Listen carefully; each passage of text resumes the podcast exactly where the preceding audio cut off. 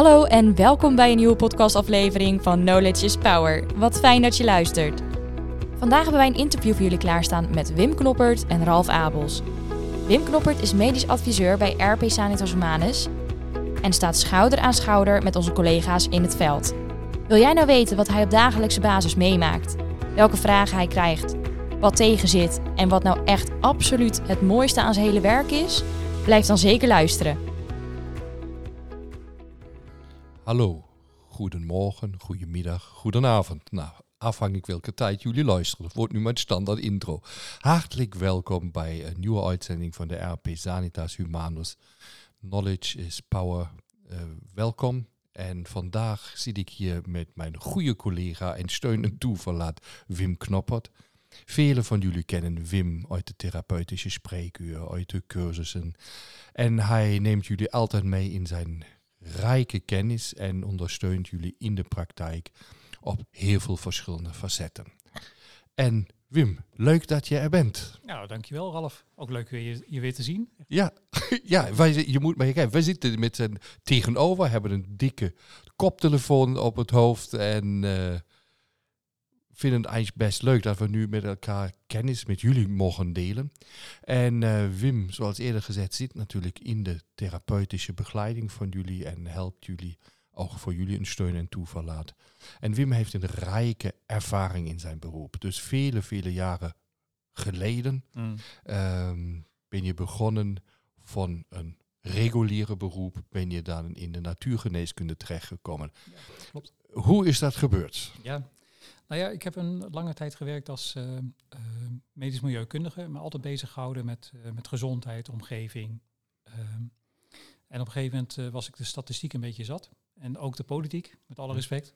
Ja. Maar toen vond ik het interessanter om wat meer met mensen te gaan werken. En ik was ook in India een poos geweest en heb daar Ayurveda mogen studeren. Dus vandaar dat ik meer in de praktijk ben gaan werken met, ja, met patiënten, cliënten. Mhm. En daar de combinatie van natuurgeneeskunde met Ayurveda heb gedaan. En in die, die tijd, uh, ja, nadat ik gestart ben, kwam ik uh, een van jouw cursussen tegen. Ja, dat is wel heel lang geleden. Ja, dat is al een poosje terug. Ja, een heel poosje terug. Ik herinner mij nog. Ja, nou, ja, ontzettend leuk. En ik was zo ontzettend gefascineerd. En ik kan me herinneren dat ik, uh, toen ik thuis kwam, s'avonds, na de eerste lesdag, dat ik tegen Alineke, tegen mijn vrouw, zei van, dit is fantastisch. Dit is alle kennis hè, waar ik al die tijd naar gezocht heb om uh, meer effectief te kunnen zijn in um, het toepassen van die, die eeuwenoude wijsheid van Ayurveda in, het, in, het, in het hier en nu. Hè, dus ja. de combinatie van, van diagnostiek, um, therapie, maar ook uh, zeg maar de Ayurvedische geneeskunde zoals ik die uh, van huis uit dus meegebracht had. Ja. En dat was het bruggetje en vervolgens um, ja, de, de opstap naar een hele vruchtbare samenwerking ja, dat is waar. Al dus, Ja, al heel lang en ook met het grootste plezier werken we nog samen. Mhm. Dus, uh, maar als ik mij terug herinner, ja. uh, weet ik nog hoe je in de cursus zat en nog heel, ja, heel slimme vragen altijd stelde.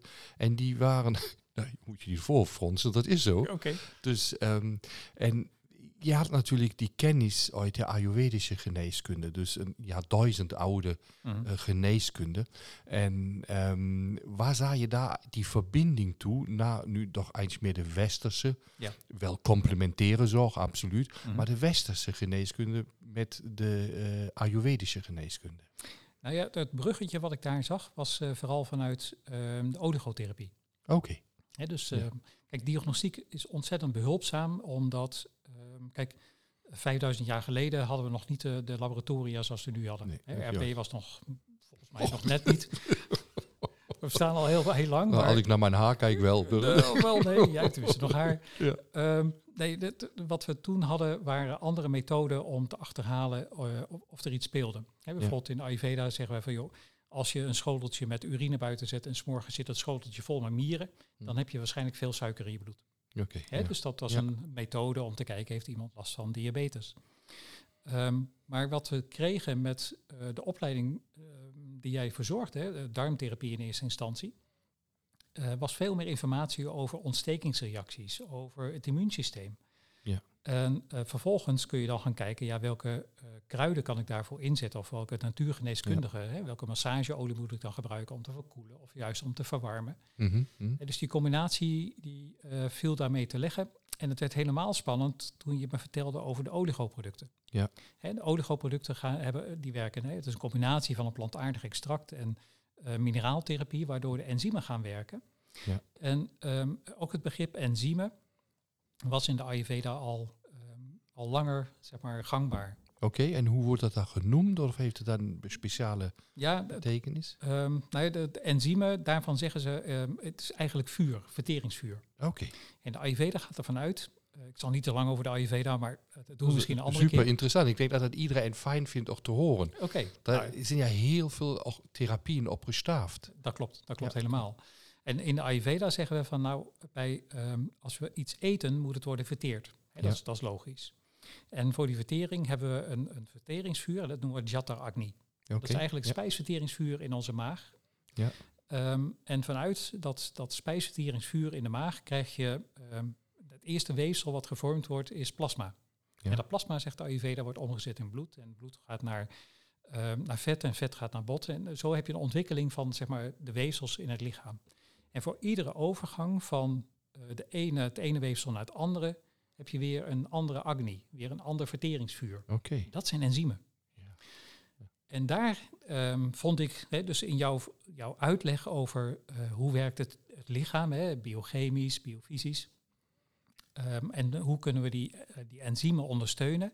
Toen vielen ook de kwartjes waarom je um, met bepaalde kruiden, met bepaalde mineralen, een effect, effect ziet. Oké, okay, ja. Dus in de Ayurveda heb ik geleerd dat uh, kruiden hebben natuurlijk een kwaliteit. Hè. In Ayurveda is veel meer een, gedachte, een, een, blik vanuit kwaliteiten. Hè. Dus Mhm. mm -hmm. je kijkt naar verkoelende kruiden of verhittende kruiden of um, nou ja, um, activerende kruiden of geruststellende mm. kruiden. Um, terwijl we regulier natuurlijk veel meer kijken naar remmen van processen. Ja. En het goede van RP, hè, van jouw kennis die je overbracht, vond ik dat je die combinatie maakte. Ja. De combinatie met de oligotherapie, waarin je dus die plantaardige extracten en hun specifieke kwaliteit combineert met die mineralen die je erin stopt. Ja. Op een super op, goed opneembare uh, manier. Makkelijk uh, zeg maar, toe te dienen, hè, sublinguaal onder de tong. Ja. En um, dat was voor mij het bruggetje waardoor ik die Ayurvedische producten, die Ayurvedische kennis uh, kon gaan combineren met westerse diagno diagnostiek, hè, hedendaagse diagnostiek. Maar ook met hedendaagse uh, natuurgeneeskunde. Ja. Dus die, die, die combinatie van de Ayurveda en uh, de kennis over um, kwaliteiten van de, van, de, nou van de kruiden, waarmee je balans herstelt, dat sluit bijna één op één aan met uh, de oligotherapie en de kijk zoals jij die, mij die hebt geleerd. Ja, dat is heel fijn te zien. Mm. Dan juist die Ayurvedische uh, geneeskunde is natuurlijk ook gekenmerkt door typologieën. Klopt. En dat heeft de oligotherapie ook. Precies. En ik weet, we hebben samen een cursus, uh, of een onderdeel in een cursus uh, ja. gegeven, mm. waar we de oligotherapie en de Ayurvedische um, typologieën, of van beide die typologieën, vergelijken. Met, vergelijken. Ja.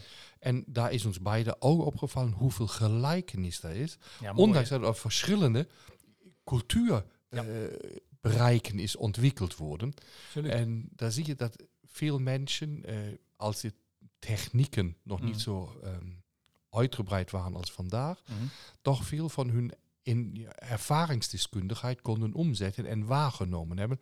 Wat natuurlijk vaak vandaag niet meer zo goed is, als de mensen alles een apparaat toevertrouwen, dan ook maar naar een mens ja. te kijken wat er mis is.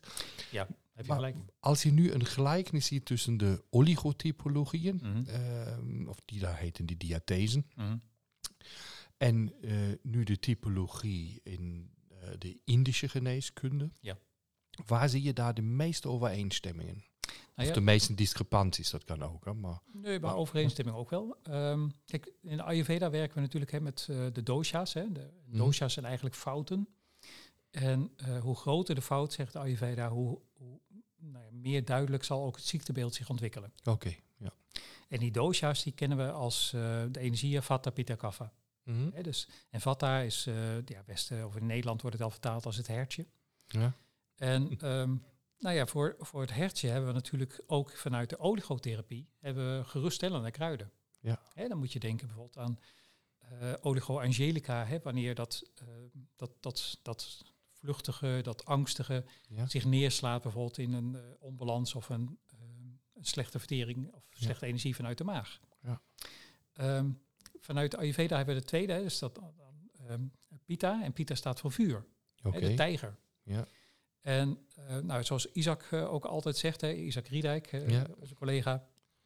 Ehm, Waar ook een podcast over al. ja, bij die precies. Ik hoorde wat Ja. echt ontzettend leuk. Ja. Ehm, zoals Isaac ook zegt van ja, dat dat ja, dat vuurtype, hè, dat is meer dat hyperenergische. Ja. Hè, dat, dat vurige mensen met een, een streepje tussen hun wenkbrauwen. Met alle respect, hè. Ik, heb- Ja. ik weet niet of je kan zien, maar eh, ik herken er wel wat in. Ja. Ehm, en, en daarvoor hebben we natuurlijk dat ribes nigrum. Hè, dat oligoproduct ribes nigrum is dan heel erg adequaat in het ondersteunen juist hè, van die, dat, die hitte en ehm, nou ja, het beetje temperen van dat, Ja, eh, die- nou ja, dat deze- vurige temperament. Te veel. Te Van veel, van precies. het te veel. Ja. Dus eh, da- dat te veel kan zich uiten. Natuurlijk in grote gevoeligheid voor ontstekingen, voor histamine, Ja, voor Ehm, allergieën, allergieën, ja precies. cardiovasculaire ziektes. En dat is vanuit de. Ayurveda dus precies hetzelfde eh, wat we beschrijven eh, vanuit, vanuit Pita. Hè. Pita is vuur. Dat is, also, dus daar is tussen de hyperenergie en, En Pita, en de pita, daar zijn heel veel, overeenkomsten. heel veel overeenkomsten. En net zo noem je zo leuk dat hertje, Mhm. dan is dat die dystonische type. Dus, eh, Ja. wa- Waar we inderdaad de zwakte van het midden ook over eh, dat uitleggen Ja. aan de collega's. Dat is het verteringsenergie die zwakker wordt, waar je eh, sneller ook op dingen reageert. Mhm. Dat past dan in deze diathese, maar ook zo afnemende kracht in je benen. En hoe zie je dat dan in die, eh, in, in, bij de hertjes? Zie je dat Mhm. ook terug? Ja, zeker. Ehm, kijk, hertjes, vata-types, Mhm. eh, dat kenmerkt zich door kouwelijkheid, door schichtigheid, Ja, dat past bij die dystonische. onrust, Ja. door ehm, ehm, nou ja, fragiel. Weet je wel, het Ja. is droog, het is, het is breekbaar, het is bros, het is eh, snel uit balans.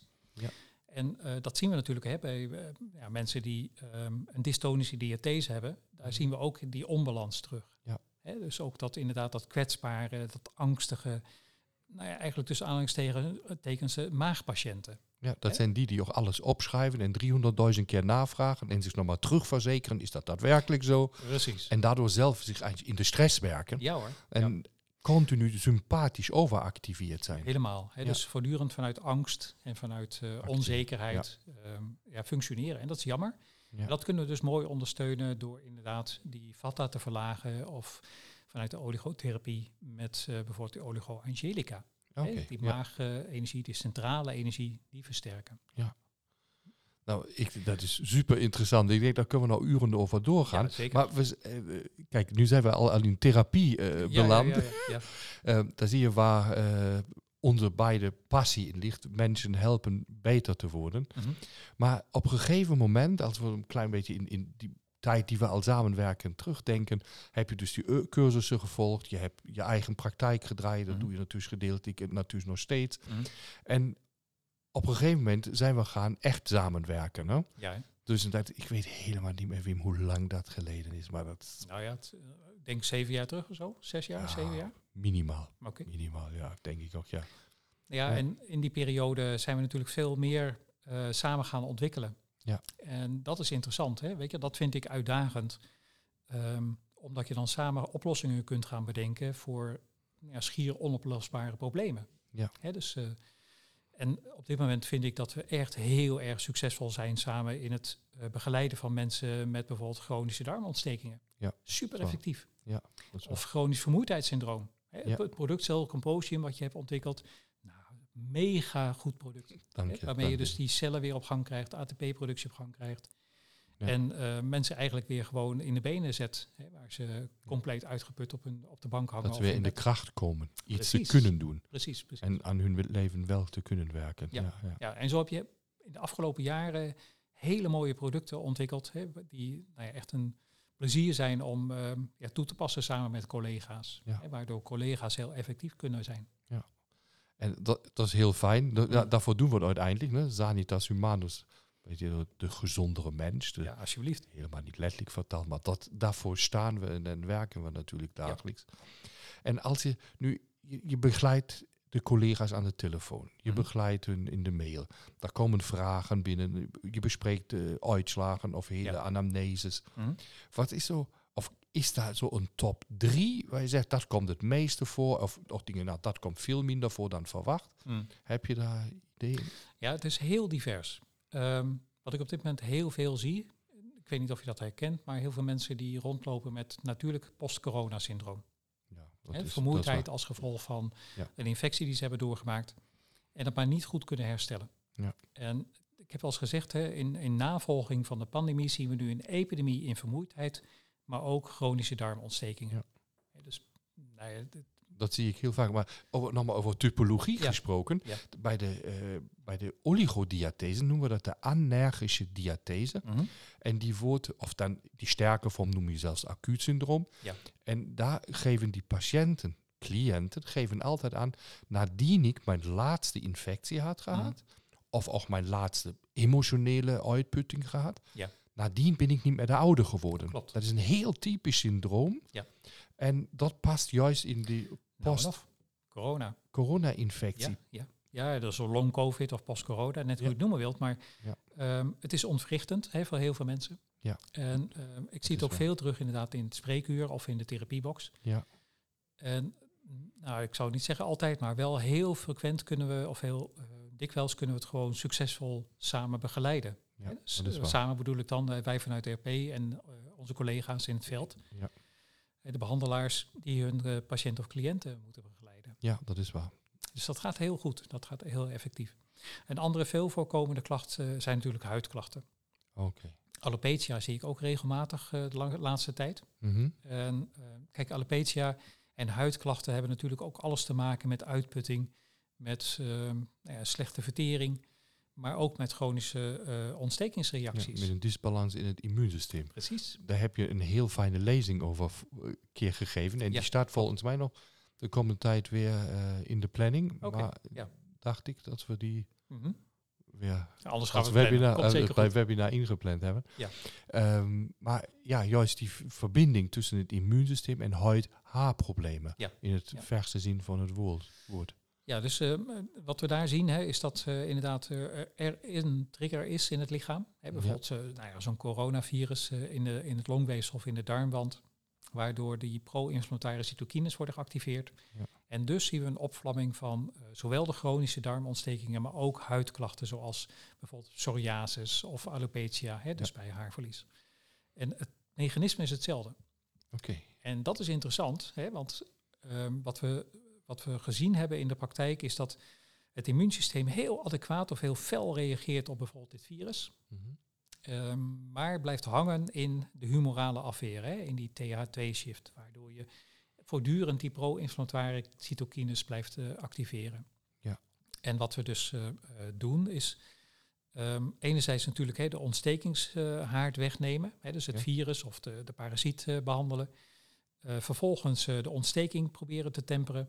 Ja. En als derde dat immuunsysteem eigenlijk heropvoeden. Hè, dus die switch maken van de humorale afweer naar die cellulaire afweer. Ja. Hè, met die interleukine 10, die nou ja, met name dus die in die probioticum, hè, dus de Aangemaakt MDR probiotics, wordt, ja. gestimuleerd wordt aangemaakt.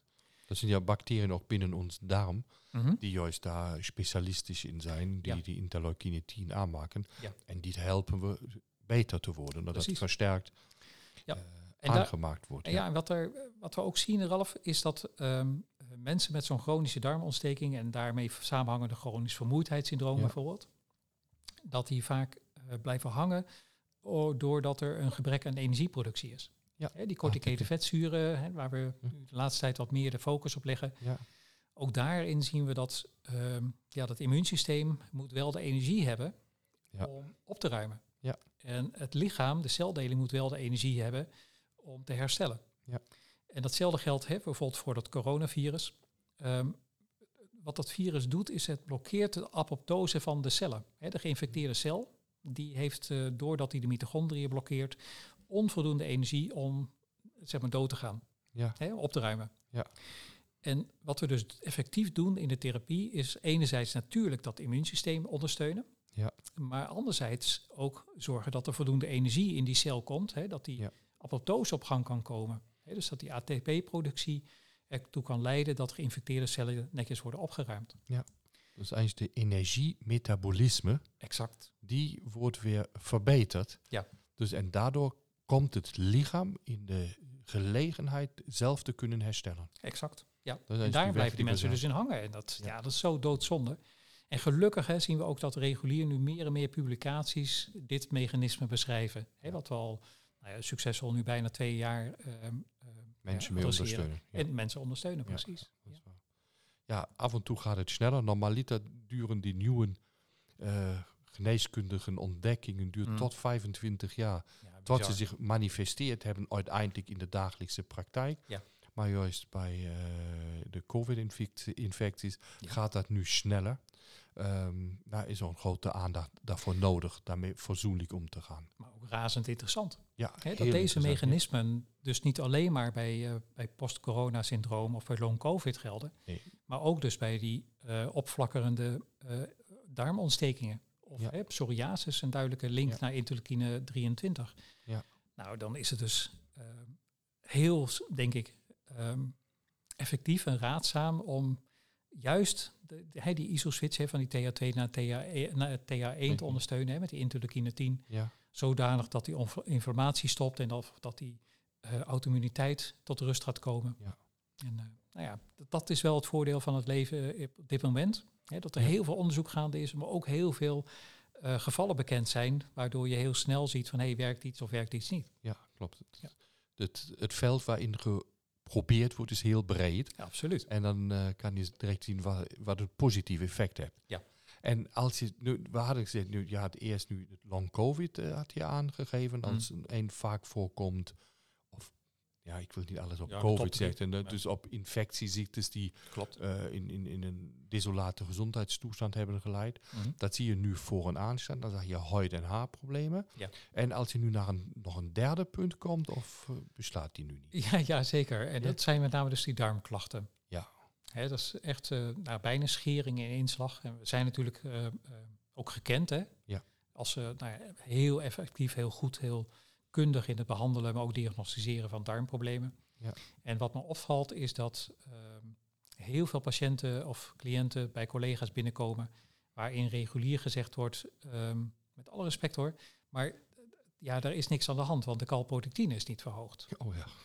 En wat we dus heel vaak zien is van als je dan even doorzoekt en je gaat bijvoorbeeld de PMN-elastase of de lysosime testen, dan zie je sky high eh, ontstekingsreacties in het chronische. Echt enorm. Dat is eh, ook een klinisch beeld. En dat is, absoluut. Een PMN-elastase is een klinische waarde, om het duidelijk te zeggen. Dat is met een calprotectine kan je een deel afdekken, Mhm. maar je blijft altijd blind op één oog. Precies. Ja. Ja. dat zeg je mooi. Ja, Ja, toch? ja hoor. En, En- eh, omdat we breder testen, het ontstekingsbeeld proberen compleet uit te, te Ja, testen. ja. ja, dan zeg je, komt die PMN eh, om de hoek kijken. ja, zeker. En dan zie je dus hè, dat, dat het ehm, ja, niet alleen maar tussen de oren zit, hè, wat al snel gezegd wordt, Ja. maar gewoon domweg achter de navel. Ja, precies. Ja. een echte ontsteking. Dus de, die patiënt staat dan echt in de vuur. Absoluut. Die, die, met alle klachten van dien, hè? Zoals vermoeidheid en, en ehm, heftige diarree of eh, eh, enorme buikpijnen. Tot emotionele klachten toe. Je hebt helemaal gelijk. tot Ja. serotonine wat uitgebouwd wordt, de hele neurotransmitterdisbalans. Ja. En slapeloosheid die erbij komt. Ja, Nou ja, iedereen kent het waarschijnlijk wel uit zijn eigen praktijk. Maar Ja. dit zijn wel de, de top drie van de nou ja, meest geziene klachten of eh, ziektebeelden op dit moment. hè, eh, die we in, de, in het spreekuur of in de therapiebox vinden. ja, dus also collega's Ja. in het veld, die Mm. eh, doen dan de diagnostiek en komen dan met de uitslag en zeggen, Wim, wil je even meekijken? Zeker. En, ehm, en daar kom je deze drie klachten het meeste tegen. Ja. En hoe is, hoe is het, als je met hun spreekt of met hun mailt, ehm, waar is de meeste struikelblok? Het is leuk dat je dat vraagt. Ik zie op dit moment... ehm, het was niet afgesproken, hè? Nee, nee, nee dat, dat is, is, is geen, eh, hoe noem je het? Doorge Geen script. Nee, we hebben geen gescript Nee, nee, gesprek, nee, dus nee, dat, nee. dat is ook niet fijn. Dat is niet de bedoeling. Nee, je hebt gelijk. Maar ehm, wat ik echt veel zie, en, Ja. en ook veel, eh, nou ja, veel herkenning zie bij collega's, is dat ze ehm, met name in de, in de mist gaan met, bij de pH. Oké. Dus wat ik veel zie is dat eh, de pH lijkt dan normaal hè, in een uitslag. Ja? En ja, weet je wel, we meten wat we meten, dus hè, dat, Ja. dat klopt ook. Ja. Alleen als je dan naar het klachtenpatroon kijkt, of je kijkt naar eh, verteringsresten, hè, die ook in dat onderzoek te Ja. vinden zijn, dan eh, kan het vaak niet waar zijn dat die pH juist is. Oké. Hè, we zien ook vaak hoge histaminewaarden of histamine klachten die iemand presenteert. Ja. En als je dan gaat kijken en vervolgens een, eh, een fikse darmontsteking ziet, of een hoge waarde van de APX, hè, dus een voedingsafhankelijke ontstekingsreactie. Ja, de eosinofiele proteïne X. Hoog agressief stofje, Absoluut. wat in de eosinofielen produceerd wordt. En, en dus ook een, een duidelijk ontstekingsbeeld is, Ja, hè, een want ontstekingsmarker. Heel veel weefsel beschadigd. Als het lange tijd te ja, veel zeker, zeker. Ja, en dan ja. Vervolgens ehm, zou dus onder invloed van die ontstekingsreacties, Mhm. hè, de APX is hoog of de calprotine staat aan, de PMN is hoog, allemaal ontstekingsbeelden, Ja. dan verwacht je een lagend pH. Ja. Wat we vaak zien is dat de pH normaal lijkt. Ja. Dat betekent dus dat die veel hoger vertrokken is. Dat de initiële pH. al- alkalisch was. Zeker, zeker. Hè, dus vermoedelijk een maagzuurgebrek. Ja. En dan zijn heel veel klachten te- als bijvoorbeeld een hoge histaminebelasting als gevolg hè, van een rottingsdysbiose Ja. door een maagzuurgebrek Ja. heel goed te verklaren. Ja. Dan is het heel logisch hè, dat mensen een slechte eiwitvertering ervaren Mhm. en eh, klachten met diarree eh, eh, hebben, maar ook bijvoorbeeld een gebrek aan, aan serotonine, omdat het tryptofaan niet wordt aangemaakt. Ehm, dus allemaal heel, heel logisch en verklaarbaar. En als je daar samen met collega's dan naar kijkt. Dan is het echt heel vaak dat mensen eh, alle puzzelstukjes op zijn plek zien vallen. Ja. Hè, dat is een feest van herkenning bijna. Waarin ze aangeven, oh, maar dan snap ik opeens waarom deze klachten zo persisteren of waarom ik het niet voor elkaar krijg. Ja. Dus ik ben eigenlijk dan, tussen aanhalingstekens, voor de gek gehouden door die pH-waarde. Ja, dat ze op één waarde alleen afgaan Exact. en niet die proces daarachter verder toelichten. Wat hebben we vroeger je op school geleerd? Een interpretatie doen. Je moest een, een- wat lezen, een boek Ja, ja, ja, lezen. En dan moet je het, ja, dan moet je het interpreteren. Wat zegt ons deze, Ja. ja, wat zegt ons deze tekst uiteindelijk? Mooi, en dat doen we natuurlijk met labuitslagen ook. Ja, en dan, ehm, ja, je kunt het misschien vergelijken met een beetje zoals de Latijn. Hè, dat Ja, voor veelai eh, uitleg vatbaar. ja, En dat is misschien met die labwaarden ook wel. Hè, dat het, eh, ik zeg ook vaak tegen collega's, je moet het gaan lezen als een boek. Ja. En als je één regel leest, dan snap je het verhaal vermoedelijk niet. nee, dat is waar. En eh, zodra je het verhaal gaat lezen, ja, dan is er altijd nog je interpretatie. Ja. Hè, dus daar zitten wij als, als behandelaar tussen. En je gaat zien hoe, hoe meer verhalen je gezien hebt, eh, hoe meer boeken je gelezen hebt, Ja. hoe vaardiger je wordt in het vertalen van wat, het beeld, het, het verhaal, naar, ehm, naar een passende interventie. Ja. Want daar gaat het uiteindelijk om. Ja. En dat Dus- is leuk. Eh, Ja, dat hoor ik ook. Ik, Ja. ik zie het ook. Dus eh, Wim zit bij je tegenover. Dus eh, ehm, dat is ook je passie. Dus je helpt onze collega's, help je juist dat boek verslag Ja, te lezen Te lezen. En mee te nemen op die interpretatiereis en daardoor een slagkrachtige therapeutische begeleiding op te zetten. Klopt, helemaal. En dat, dat vind ik leuk. Nee, Ja. Daar kom ik graag mijn wet voor uit. Ja, dat, dat is fantastisch. Nou, ik zie natuurlijk ook eh, hoeveel je aan, aan deze mailtjes en, en, en, en telefoonafspraken nog hebt met collega's. Mm. En je gaat zelfs nog verder. Je begeleidt die mensen dus ook nog persoonlijk. Dus we hebben deze casuïstiek trainings. Mhm. Eh, waar zich iedereen met een casus... Ja, Ik noem het dan altijd Graag. een hoofdpijndossier. ja, ja. Zegt, nou, wat moet ik nu daar alweer mee? Hmm. Kan aanmelden en bespreken. Ja. Zodat we dan ook nog meer tijd voor de collega's hebben om Ja, dit het leuke van zo'n casuïstiek training is dat eh, eh, collega's brengen hun eigen casus in, Ja? maar je kijkt ook mee met de casus van een ander. Ja. En het gebeurt regelmatig hè, dat als je een aantal eh, collega's ehm nou ja, tezamen hebt in de casuïstiek training en je hebt één of twee casussen behandeld, dat de, de derde casus, hè, de derde collega zegt, oh maar nu snap ik mijn eigen casus ook veel beter. Ja, Hè? Ja, juist. Dan zeg ik altijd, nou ja, laten we nog eventjes naar kijken hè, of, eh, of wij hè, jouw casus ook kunnen begrijpen. Ja. Maar het, het, het helpt enorm hè, om eh, ook eh, zeg maar, boekverslagen van anderen te kunnen Ja. meelezen. Ja. En daardoor ook die verhalen die je zelf hè, voor je hebt liggen, je eigen diagnostiek, je eigen casuïstiek beter te begrijpen en te interpreteren. Dus je wordt dan door het oefenen eigenlijk, door het te doen, Ja. word je steeds kundiger, Klopt. ook sneller en effectiever in het interpreteren. Mhm. En je kan je patiënten, cliënten Ja. eh, nog, ja niet nog, gewoon beter begeleiden. Absoluut. Ja, Dat hoor. is- gewoon kilometers maken. Ja, absoluut, absoluut.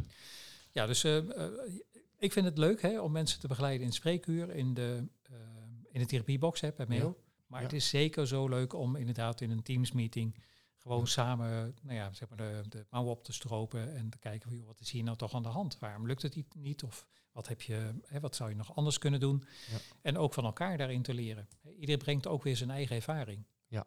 Ik ben, nou ja, wat meer, dat, dat weet je dus, hè, vanuit Ja. de Ayurveda is- geschoold en anderen meer orthomoleculair. Of, nou ja, en op die manier maak je gewoon effectieve behandelplannen eh, en, strategieën. Ja, wat ik daaraan prima vind en heel fijn vind met collega's dit te doen, Mhm.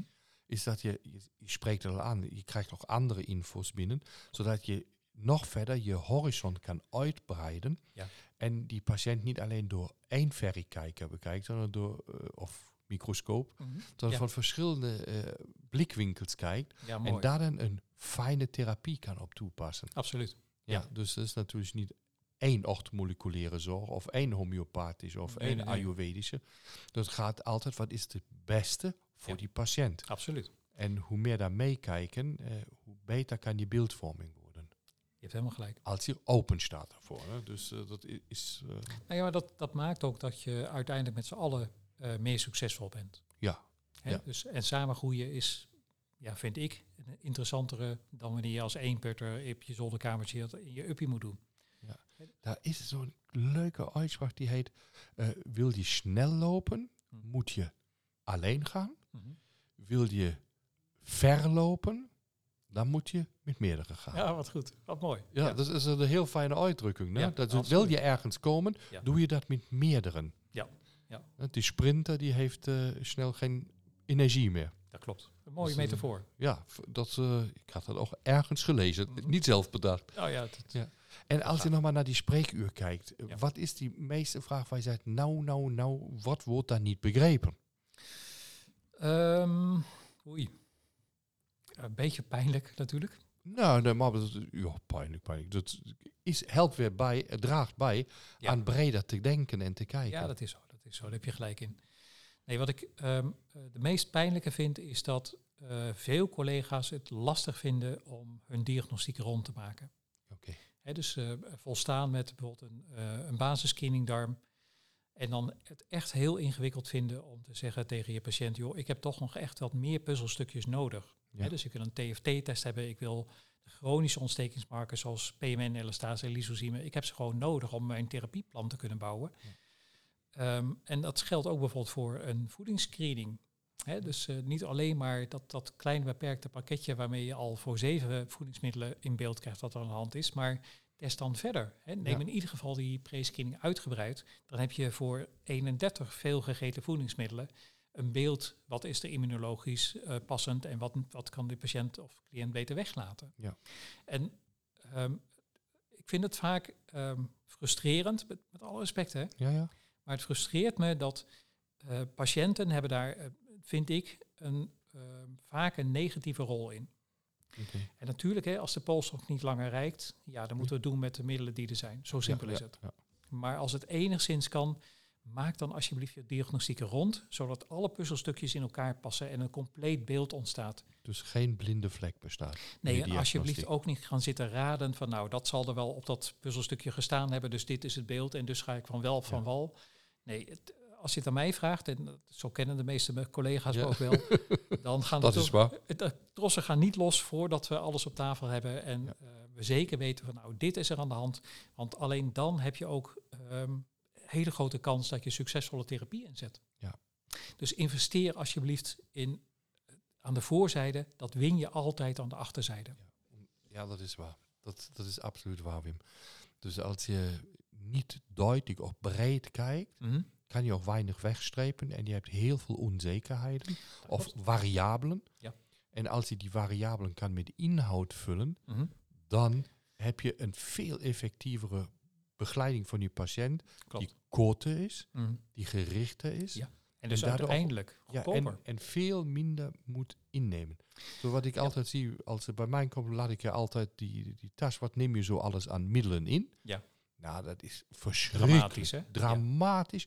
eh, wat er alles aan supplementen, medicijnen en Mm. gebruikt wordt. Mm. En omdat het ergens staat dat het wel helpt. Ja. En als je dan vraagt, nou, wat heeft dat gedaan? Ja, niet. Ja, waarom neem je het dan? Ja. Dat, dat zijn dan zo simpele dingen ehm, die, we, die onze collega's natuurlijk ook k- kunnen toepassen. Mm. Maar het is best jammer dat mensen zo lang al en zoveel aan pilletjes en wat weet ik. Ja, of verschillende therapeuten. Ja, of, of, weer, ja, of een dieetje A, B, C volgen. Dan eerst maar te kijken, waar gaat het nu mis? Wat je zegt met die verteringsenergie bijvoorbeeld. Mm. Dat heeft me op het begin zo getriggerd. Mm. Is ja, die midden. Die midden moet functioneren in ons lijf. Ja, mooi hè? Ja. En vanuit daar kun je dan weer gaan, gaan bouwen, gaan herstellen. Ja. Maar als je dat stuk laat liggen, omdat je het helaas niet in beeld hebt kunnen brengen, ja, dan eh, moet je niet verwachten dat je een heel succesvolle behandel, behandeling inzet. Dat, en en dat, dat frustreert. Dat vind ik echt jammer. Dat Ja. vind ik de, nou ja, en dan, eh, dan- collega's kennen me ook wel. Dan word ik ook wel eens een keer zaggerijnig. Zo van, nou, Waarom doe je dat niet? Ja. test het nou gewoon. Ja, ja. Dan weet je het. Maar laten we, als we dan positief eindigen, Ja, maar dat vind, vond ik in zoverre belangrijk Mm. dat het ook eh, verteld wordt. Mm. Ehm, ik denk dat kan die inzicht verruimen en daar is ja een reden achter. We testen ja niet om te testen. Nee. Ja, dat, dat is absoluut niet de bedoeling. Het gaat erom om te testen wat nodig is om inzicht te creëren, zodat die patiënt, cliënt goed kan begeleid worden. Dat Helemaal is de gelijk. drijfveer achter diagnostiek. Ja. Alles andere is wetenschap, als je uitzoekt. Ja, maar wij testen zo breed mogelijk om uit te zoeken. Ja, of om weg te strepen. Ja, En juist. de teleurstelling hoor je ook vaker hoor. Zo van, ja, ik heb een DFT-test gedaan, maar er kwam niks uit. Ja, nou, gelukkig. gelukkig maar. Ja, dat scheelt een heleboel. Ja. Ja. Maar wat is het dan? Ja, dan moet je weer nadenken. Maar wegstrepen is altijd belangrijk. Helemaal goed. Ook, ook trouwens voor patiënten en cliënten is het belangrijk te zeggen, Mm. ja, dat is het dan echt niet. Mhm. Ja, dat zie ik natuurlijk ook vaak. Ja, ik heb dat. En dan kijken we, nou, nou, dat was hem niet. Nou ja, maar dan ga je nadenken. En Dan ja, wordt dan het ga je juist leuk. verder. Ja, dan wordt het juist leuk. Ja. En, maar als je nu hebben gezegd, nou, wat- wat is daar niet zo eh, eh, positief? Maar wat vind je hartstikke leuk? Dat we aan de afsluit toe nog een, een heel mooie eh, stelling van je mogen horen. Nee, wat ik, ehm, waar ik echt energie van krijg, is van de succesverhalen van collega's. Ja. En zeker wanneer het een patiënt of een cliënt is die al heel lang met heel veel klachten zit, of juist een heel klein humpje hè, van die kleine kindjes eh, met, met heftige klachten. Ja. Ehm, en vervolgens krijg je ze aan de lijn en dan, ja, dan moeten ze eerst even kwijt hoe fijn het is hè, dat die patiënt zoveel beter gaat. Ja. Nou, dan, ehm, dan glim ik hoor. Ja. En niet alleen Door de telefoon eh, heen. Niet alleen op een bol, maar ja. ja, nee, dat, is echt, dat, is, dat zijn de fijne dingen. Dat je samen gewoon eh, mensen gewoon kunt helpen, inderdaad, ri- richting gezondheid. Hè? Sanitas humanus, de gezonde mens. Dat geeft mij energie. Nou, dan laten we dat als een fantastische afsluiting nemen van dit. Ja, ik vond het een heel leuke podcast met jou op te nemen. Dankjewel. Dus eh, samen, schouder aan schouder staan voor meer gezondheid. Heel graag. Fijne avond allemaal. Morgen.